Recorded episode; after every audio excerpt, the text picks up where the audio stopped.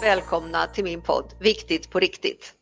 Karin Blad heter jag, men jag är mer känd som Karin Coach och jag har en fantastisk gäst idag igen. Och sen har jag ju med mig min eminente co-host Martin Lindeskog. Är du där? Jag är där, här. Ja, Och vad en bra. återkommande gäst också. Ja, vi har en återkommande gäst. Och den här gästen var hos oss vecka fem. Och nu har det gått sju veckor. Vi är framme i vecka 12 när vi spelar in det här och vi har precis tagit en härlig printscreen av oss tre. Vem kan det vara som gästar oss? Jo, det här är ingen mindre än Simon Cederholm. Välkommen! Hej! Tack så mycket! Hallå ni! Åh, vad roligt att du är med oss idag. Tack och tack så mycket för att jag får vara med och kul att eh, få träffa er igen. Det är riktigt grymt och du hade ju en speciell siffra med hur många delningar som skulle ske för att du Ja, skulle men- komma med. Ja, 13 stycken var det ju. 13 stycken. Och Mm. när vi börjar prata om det här med, vänta nu, 13 delningar. Vi tre är ju mest, skulle jag tro, i alla fall det jag ser er, är mest på LinkedIn när vi hinner. Ja. Och du som lyssnar där ute på den här podden, du kanske inte är på LinkedIn. Jag vet att det för mig var länge en blåvit ikon som jag hade så där, oj, ja just det, där ska man vara, men jag var inte där. Sen har jag fått möjlighet via till exempel Robert Lindberg att lära mig mycket om LinkedIn och det är ju helt underbart. Han har också gästat den här podden. Och för sju veckor sedan så var ju alltså du med Simon och Martin, det finns ju ingen som kan berätta om det här med värdet av socia- sociala medier som Martin. Det är ju till och med din expertis. Varför är det så bra att vara med i en podd Martin? Ja, en anledning är ju att det finns för framtiden Mm. och det kan hittas på nätet om man söker Mm. efter det. Det går att bädda in ett avsnitt med poddradiospelaren på en webbplats till exempel i en bloggpost. Mm. Och du kan ju hänvisa den till dina kollegor, arbetskamrater, potentiella kunder, you name it. Det här har ju du lyckats berätta på ett sätt så att jag, till och med jag, har förstått det här. Värdet av att vara med i en podd. Och sen är det någonting mer med det där med att vara med i en podd. Ska vi, säga vad, ska vi höra vad Simon har att säga om det? Vad, vad det kan vara för värde med det? Vad man kommer åt liksom. Det där var en väldigt spännande fråga och för, för, som jag tror jag lyfte sist var ju även utvecklingen för mig att kunna dela med sig av sina idéer, tankar och, och perspektiv. Men också när man lyssnar att man får eh, lära sig nya saker. Det är ju det som jag i alla fall kopplar med podd och poddandet. Det är jättehärligt. Vill du fylla på med någonting där Martin? Innan man, jag... kan, man kan ju bli, nu är ju Simon då känd från poddradio. Mm.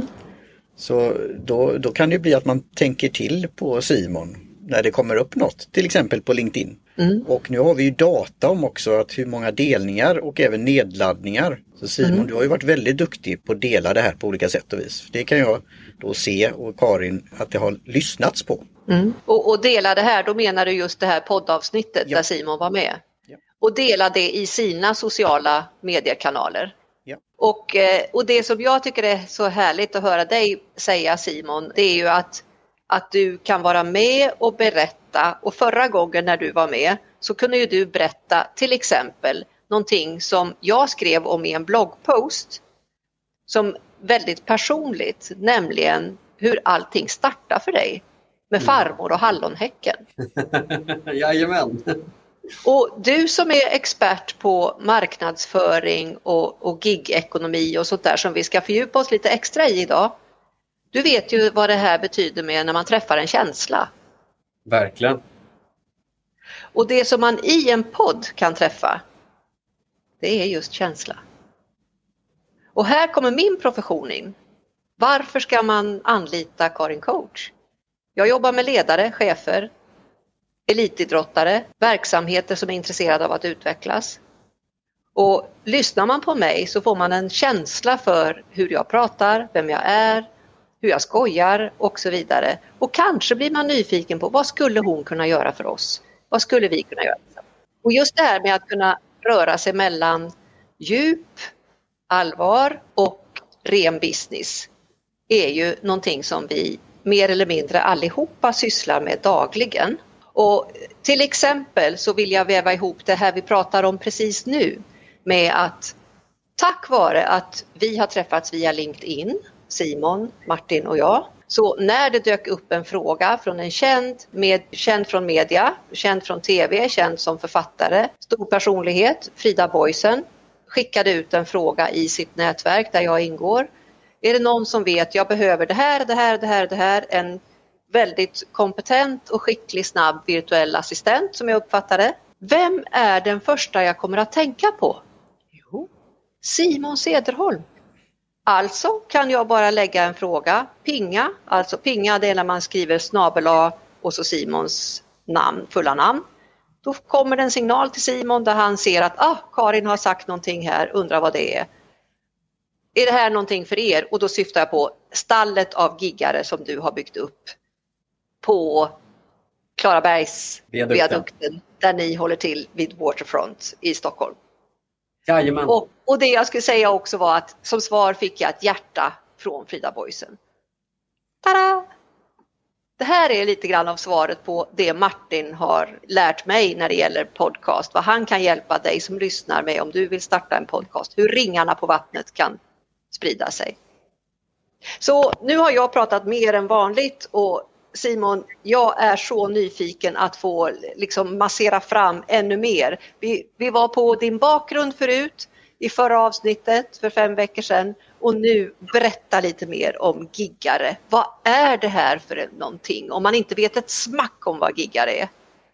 Ja, men jättekul som sagt. Giggare det är, ju för någon, det är ju för alla väldigt olika. Men här i mellandagarna, i december, så blev ju faktiskt ordet giggare ett, ett riktigt ord. När jag drog igång ProServe och hela den resan så var det folk som sa till mig, nej men giggare, det kan du inte säga. Det är inget ord.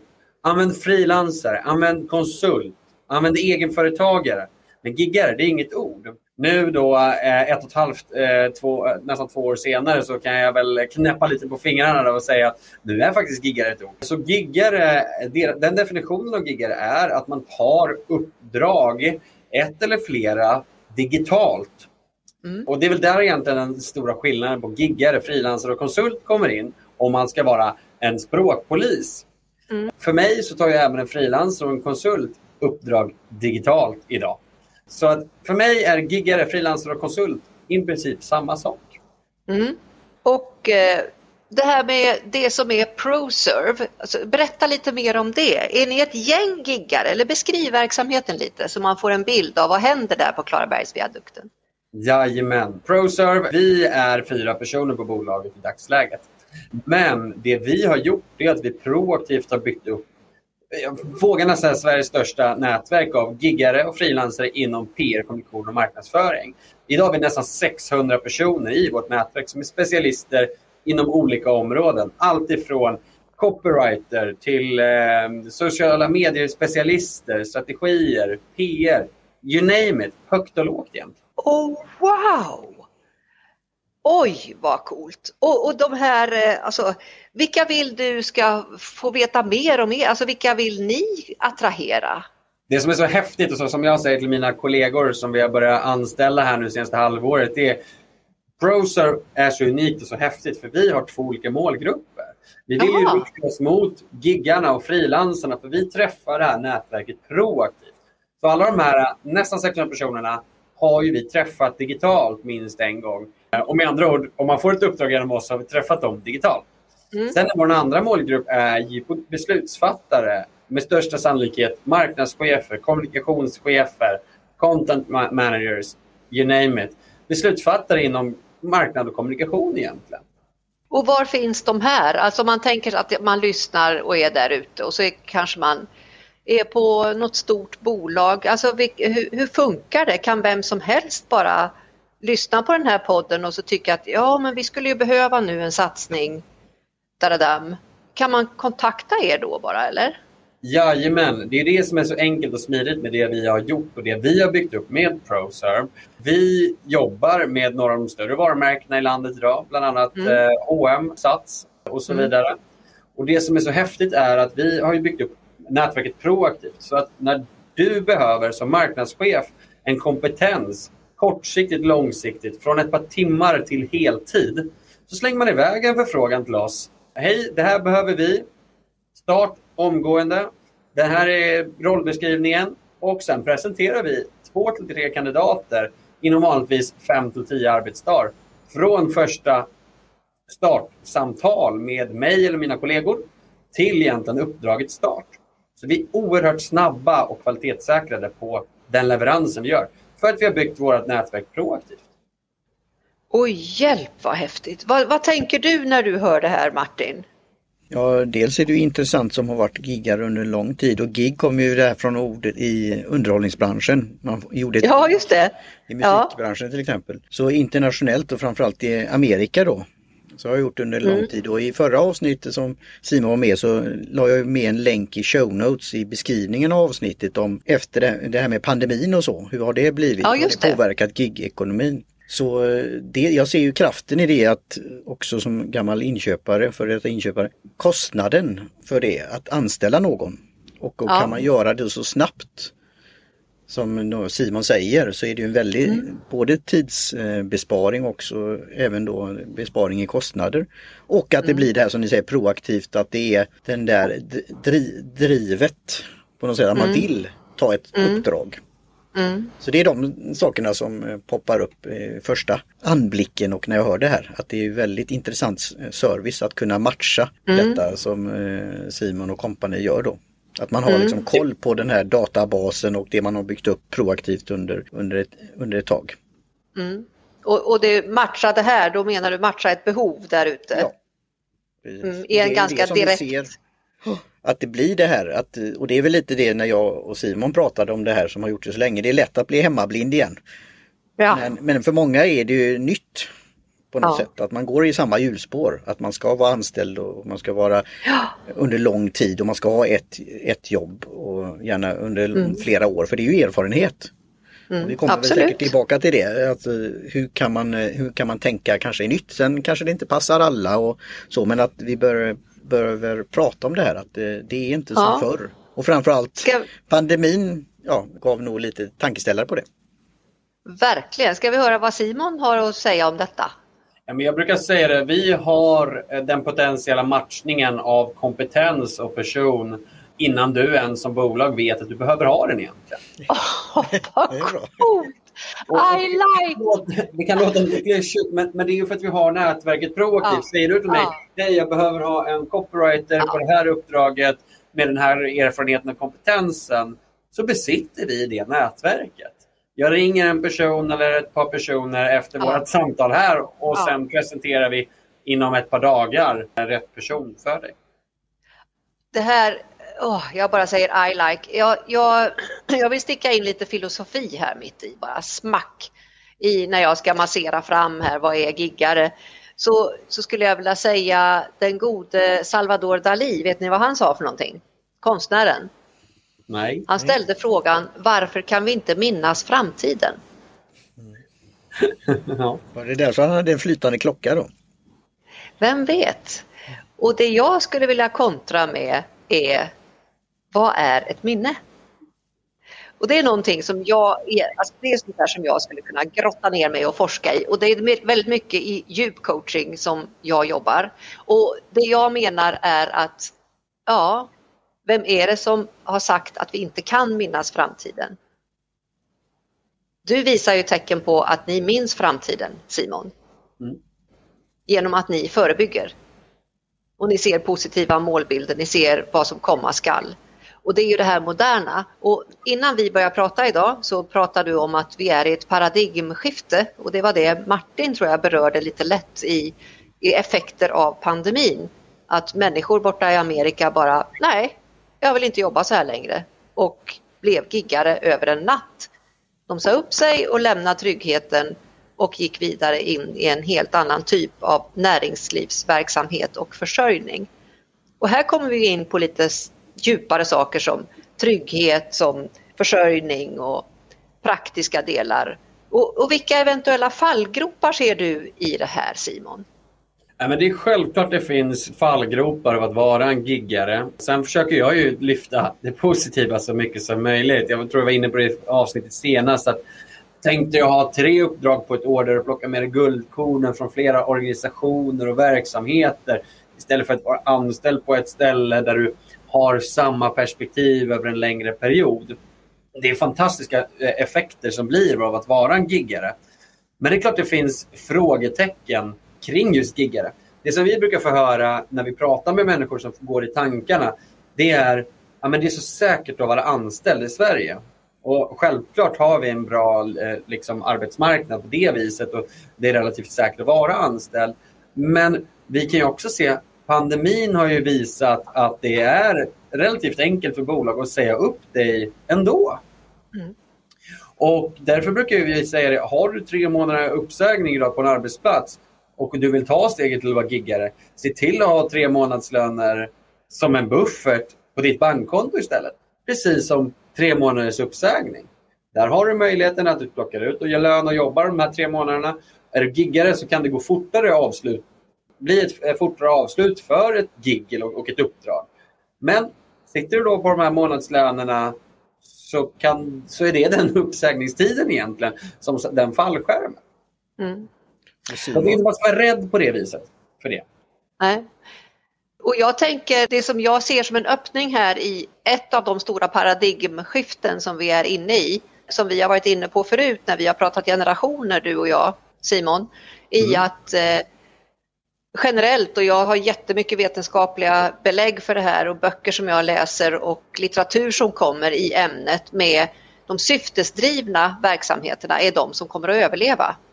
Och generellt yngre människor nöjer sig inte med annat än att det finns ett varför ska jag hålla på med det här? Exakt. Och här är vi ju inne i någonting jag försöker att visa här, någonting nytt som bryter fram verkligen. Och därför blir jag ju nyfiken på, det är ingenting som någon av oss tror jag kan svara på idag, men jag är nyfiken på hur näringslivet som sådant, eh, svenskt näringsliv, de större organisationerna, de större drakarna inom det här området, hur de möter gigekonomin och giggarna. Har du något svar på det Simon? Självklart finns det inget svar på det här eh, för att alla tänker vi olika. Det blir en väldigt personlig fråga. Vad, vad, vad, tror du på som person? Det är ju samma sak om du är då en giggare eller om du är en marknadschef, potentiellt eh, uppdragsgivare och köpare av de här tjänsterna. Det beror på vad, själv, vad du själv tror på. Mm. Eh, jag hade ett samtal här med en marknadschef på ett av de absolut större bolagen i Sverige inom en väldigt tråkig bransch, kan man säga, väldigt gammalmodig. Han sa till mig, fasen Simon, jag funderar på att sparka hela mitt marknadsteam. Och jag höll på att tappa hakan. Det han menade var, jag behöver ha tre, fyra anställda under mig. PR-chef, en contentchef, en, kanske en sociala medier-chef. Och teamen under de här mellancheferna, det ska vara giggare. Mm. Som kanske sitter på ett 6 eller 12 månaders uppdrag, kanske halvtid upp mot 70-80 procent och sen efter den här tiden så byter man ut det så det blir liksom lite överlappning. För då kommer de här personerna komma in med mer erfarenhet, ny energi, nya synvinklar på oss som bolag. Mm. Sen så skrattar han så här, ja det kanske inte är fullt så långt vi behöver dra i dagsläget. Men flera marknadschefer och bolag borde tänka så. Och det, det blev bara så här, det var som att det var ljuset öppnade sig för mig. För det är exakt ja. så vi vill att våra kunder ska tänka mer. Att, nej men, som Martin var inne på, det behöver inte vara dyrare. Jag pratade nej. med en kund igår, han skulle ha en filmare på 100% Han tog in två personer istället på 50 mm. Det är exakt samma kostnad. Men han har fyra händer och två huvud, huvuden. Mm. Han får ut högre produktivitet på högre nivå idag. Och då är den som jobbade innan som en person på det här uppdraget, han är en av Sveriges bästa när det kommer till de här områdena. Men nu har han två personer som är otroligt duktiga. Mm. Sen, det vi behöver förstå är att många går och tänker på det här klassiska mm. byggandet av organisationer. Mm. Att det är anställningar, det är lång... Det tar ändå sex månader att anställa minst och så vidare. och så mm. vidare. Mm. För att vi inne och bearbetar i det och inpräntar i det. Precis, och det var när jag drog upp de här stora drakarna så tänker jag just på de, de stora eh, föreställningarna i hierarkier och hur det ser ut, system, hur systemen är byggda. Om man tänker sig hur det här är kopplat till våra, våra trygghetssystem, pension, alla de här tyngre bitarna och då, då, blir det ju, då hamnar vi ju i politik och eh, mm. vi är ju i en brytningspunkt och jag tänker att Martin, vi måste släppa in dig och höra vad du säger om detta. Ja, det var ju det som jag gjorde också en länk till eh, i förra avsnittet till Small Business Trends Just mm. hur man pratar om det här. Och det är ju mm. även då lagförslag där i Amerika men det som är bra där är ju att det blir en debatt om det. Mm. Men då har man försökt kanske begränsa det då. Man ser, mm. man ser det som ett hot. Men i mm. framtiden får vi se det som en möjlighet och en realitet. Så, ja, jag tänker väldigt mycket att ja. ja, jag tänker väldigt mycket att få en eh, jag skulle vilja kalla det, det är ett värdeord, men en, en frisk bild på arbetsmarknaden. Vad, ja. vad, är, vad är sunt? Vad, vad, är, vad är rimligt? Vad är klimatsmart? Alltså mm. föra in nya, föra, föra in nya begrepp mm. i hur, hur ska vi sköta vårt näringsliv? Hur ska vi använda det nya som finns nu som inte fanns för 50 år sedan och som har tagit oss dit där vi är idag och där det går så otroligt mycket fortare. Hur ska vi anpassa oss helt enkelt så att vi blir hållbara? Och Det är kul att du tar upp det här med pension och sådana saker för det är ju en, en del som man måste faktiskt tänka på. Mm. Men eh, där behövs det ju att du som giggare proaktivt beräknar det och inräknar det i di, dina kostnader, ditt timpris som du levererar i den biten också. Mm. Man måste tänka lite mer och där brukar jag säga till giggare, det är där vi finns till. Vi försöker lära oss, vi försöker förstå oss på marknaden för att vi ska kunna coacha så som du jobbar med Karin, att mm. kunna coacha och utveckla. Eller skaffa en mentor som har gjort samma resa som du gör nu för att du ska kunna lära dig och förstå sig på dem. Sen vet jag att eh, Skatteverket, Arbetsförmedlingen och de statliga eh, områdena kring det här. De har haft här eh, under förra året en stor session, flera, flera omgångar, seminarium, halvdagar där man har diskuterat det här. Vi var med för att vi ville representera den här biten. Giggare var där, uppdragsgivare var där. Vi försökte vrida och vända och utveckla sådana saker för samhället behöver förstå sig på att det här är det nya.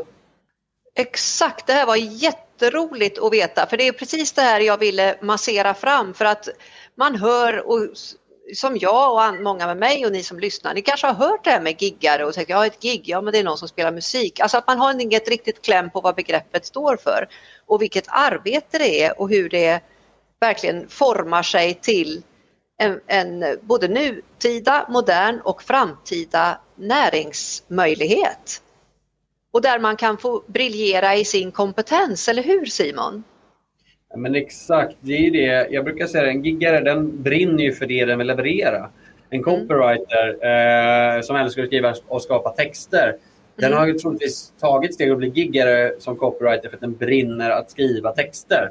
Den vill inte ha ett övergripande ansvar hela den biten utan den tar uppdrag där jag producerar text. Det är för att jag mm. älskar att göra det om den mm. personen Ja, eh, någonstans handlar det om att man specialiserar sig. Man är en specialist i det man brinner för. Mm. Och då blir ju vardagen mycket roligare. Då kanske du inte heller behöver jobba 100 procent. Jag har eh, en giggare jag pratade med häromdagen. Hon sa det.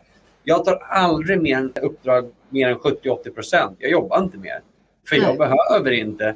Och jag känner att jag har så jäkla kul med de här andra procenten. Så jag tar det som mitt jobb. Fine.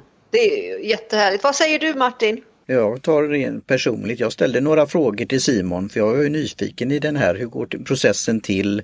Och som mm. har gjort det tidigare internationellt och fortsätter med det men även vill se då vad finns det för lokala möjligheter? När jag pratar då Sverige men även kanske Skandinavien, Europa. Och ställde den här frågan som om man har några år på nacken och erfarenhet och utbildning. Hur ses det som? Mm. För om man läser en vanlig jobbannons så kan vi både skoja lite om det men man ska vara väldigt ung och ha jättemycket erfarenhet och kunna massa saker och vara mm. ansvarig för det. Och det kan ju mm. leda till då vi har pratat om hållbarhet men till stress. Men just mm. att kunna vara någon som är senior, vara någon som är rådgivare, ett bollplank, mm. djävulens advokat mm. och någon som kan vara utanför, titta utanför boxen. Och det svarar mm. du Simon på att ja men de här sakerna, det finns intresse för det. Och även mm. hur man, ja hur, hur kommer du igång, hur fakturerar du, hur får du lön? Ja vi tittar mm. på de här möjligheterna också, egenanställning, eget bolag och så vidare. Så mm. det, det, här är en utveckling och det tyckte jag var mm. väldigt eh, fascinerande och positivt att höra. Mm. Ingen av oss hela det, hela det området som du säger. Hur ska man fakturera? Hur bokför man? Nej, ska jag, ens, ska jag köra genom en samarbetspartner där jag får ut en lön när de gör allting som vi pratar om Martin i den frågan. Mm. Vi behöver utveckla hela processen. Vi behöver utveckla hela samhällets syn på det här. Vi har mm. kommit en bra bit på vägen för att det är, du behöver inte starta ett bolag. Du kan använda dig av de plattformar som finns idag. Eller starta med ett mm. bolag. Då finns det jättebra bokföringstjänster och utbetalningstjänster och hela den biten. Det är en del. Det, det, är liksom, det är en bra bit på väg. Det ska vi inte stoppa under stolen med och det är fantastiskt kul.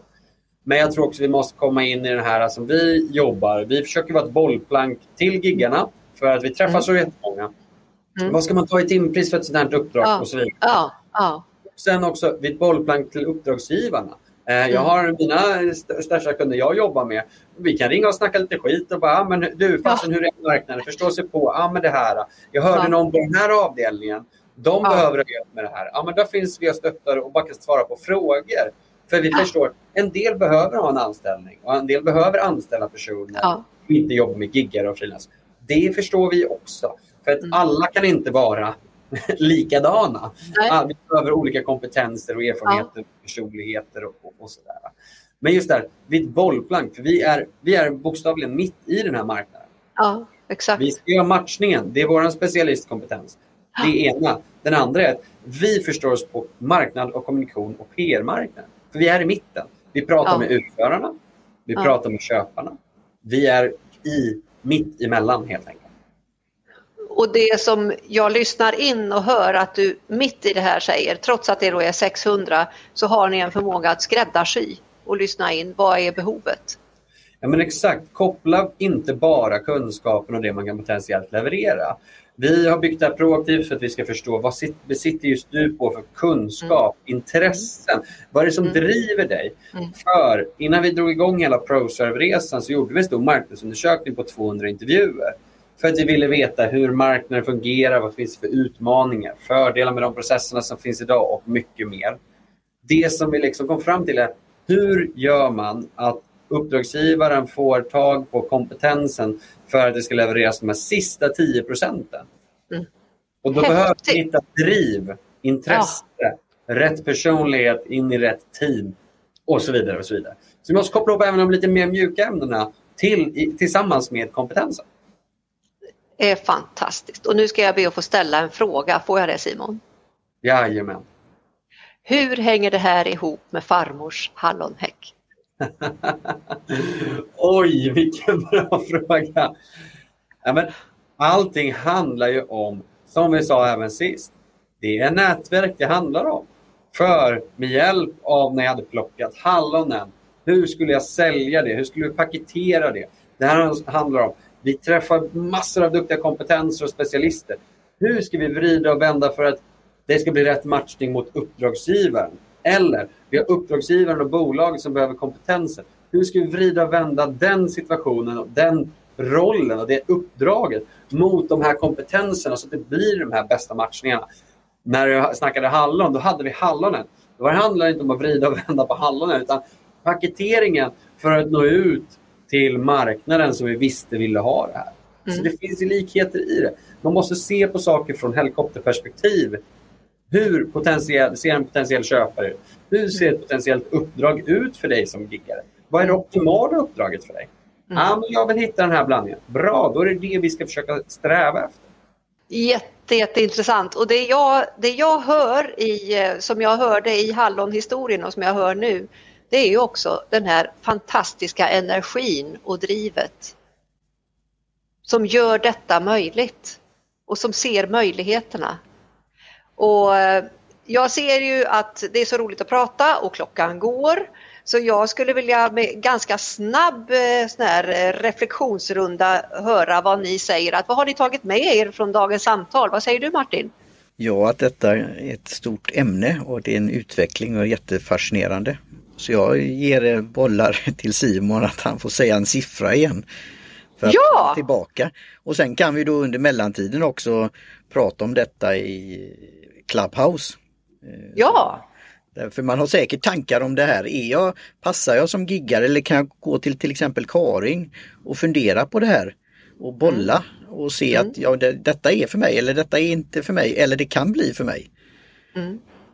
Och, och, känna den där att oj, det här kan bli en utveckling. Så mm. eh, det kan väl vara någonting Simon? Mm. Ja, men verkligen. Det här är ju lite ett ämne som kan vara lite kontroversiellt att prata om för vissa. Vissa tycker att man trampar på tårna för att vi är vana vid så, så här gör vi, så här Ja, har vi. så här ska det vara. Ja. Men reflektionen som jag vill ta med mig är att Mm. vi är en bra bit på vägen, det är vi. Det finns Mm. många aktörer som vill och har utvecklat och gör det dagligen. Vi samarbetar med jättemånga branschkollegor eh, Mm. inom just det här för att vi ska driva det här arbetet framåt. Vi snackar Underbart. utbildningar, vi pratar eh, fackförbund, vi pratar säkerhet, vi snackar liksom hela cykeln för att det ska fungera. Så vi är en bra bit på vägen, men vi har, vi har en bit kvar och tillsammans så kan vi vara med och utveckla det här. Och det märker vi. Samhället måste jobba för det här och det här typen av arbete. Exakt, och det här var ju jättehärlig eh, roundup, eller vad heter det, en sammanfattning som ni gör och just att ta det här till en samhällsfråga och med vad varje enskild individ har möjlighet att påverka och göra och göra världen lite bättre och lite, lite intressantare och så vidare. Och eh, min coaching till exempel, den går- utgår ifrån, oavsett vilken roll du har, så utgår ifrån en individ. It starts with you. Och eh, med dessa ord sagda hörni, denna strålande dag med solen som skiner över oss allihopa så skulle jag vilja avrunda på mitt vanliga sätt, min travesti från Spanarna på Hill Street. Är ni med grabbar? Ja, Jajamän! Ja, det är bra. Gå ut, kära lyssnare och ni som är med här i podden. Gå ut och gör världen lite vackrare, lite bättre, lite roligare. För du är ju där! Hej då! Hej då! hej svejs!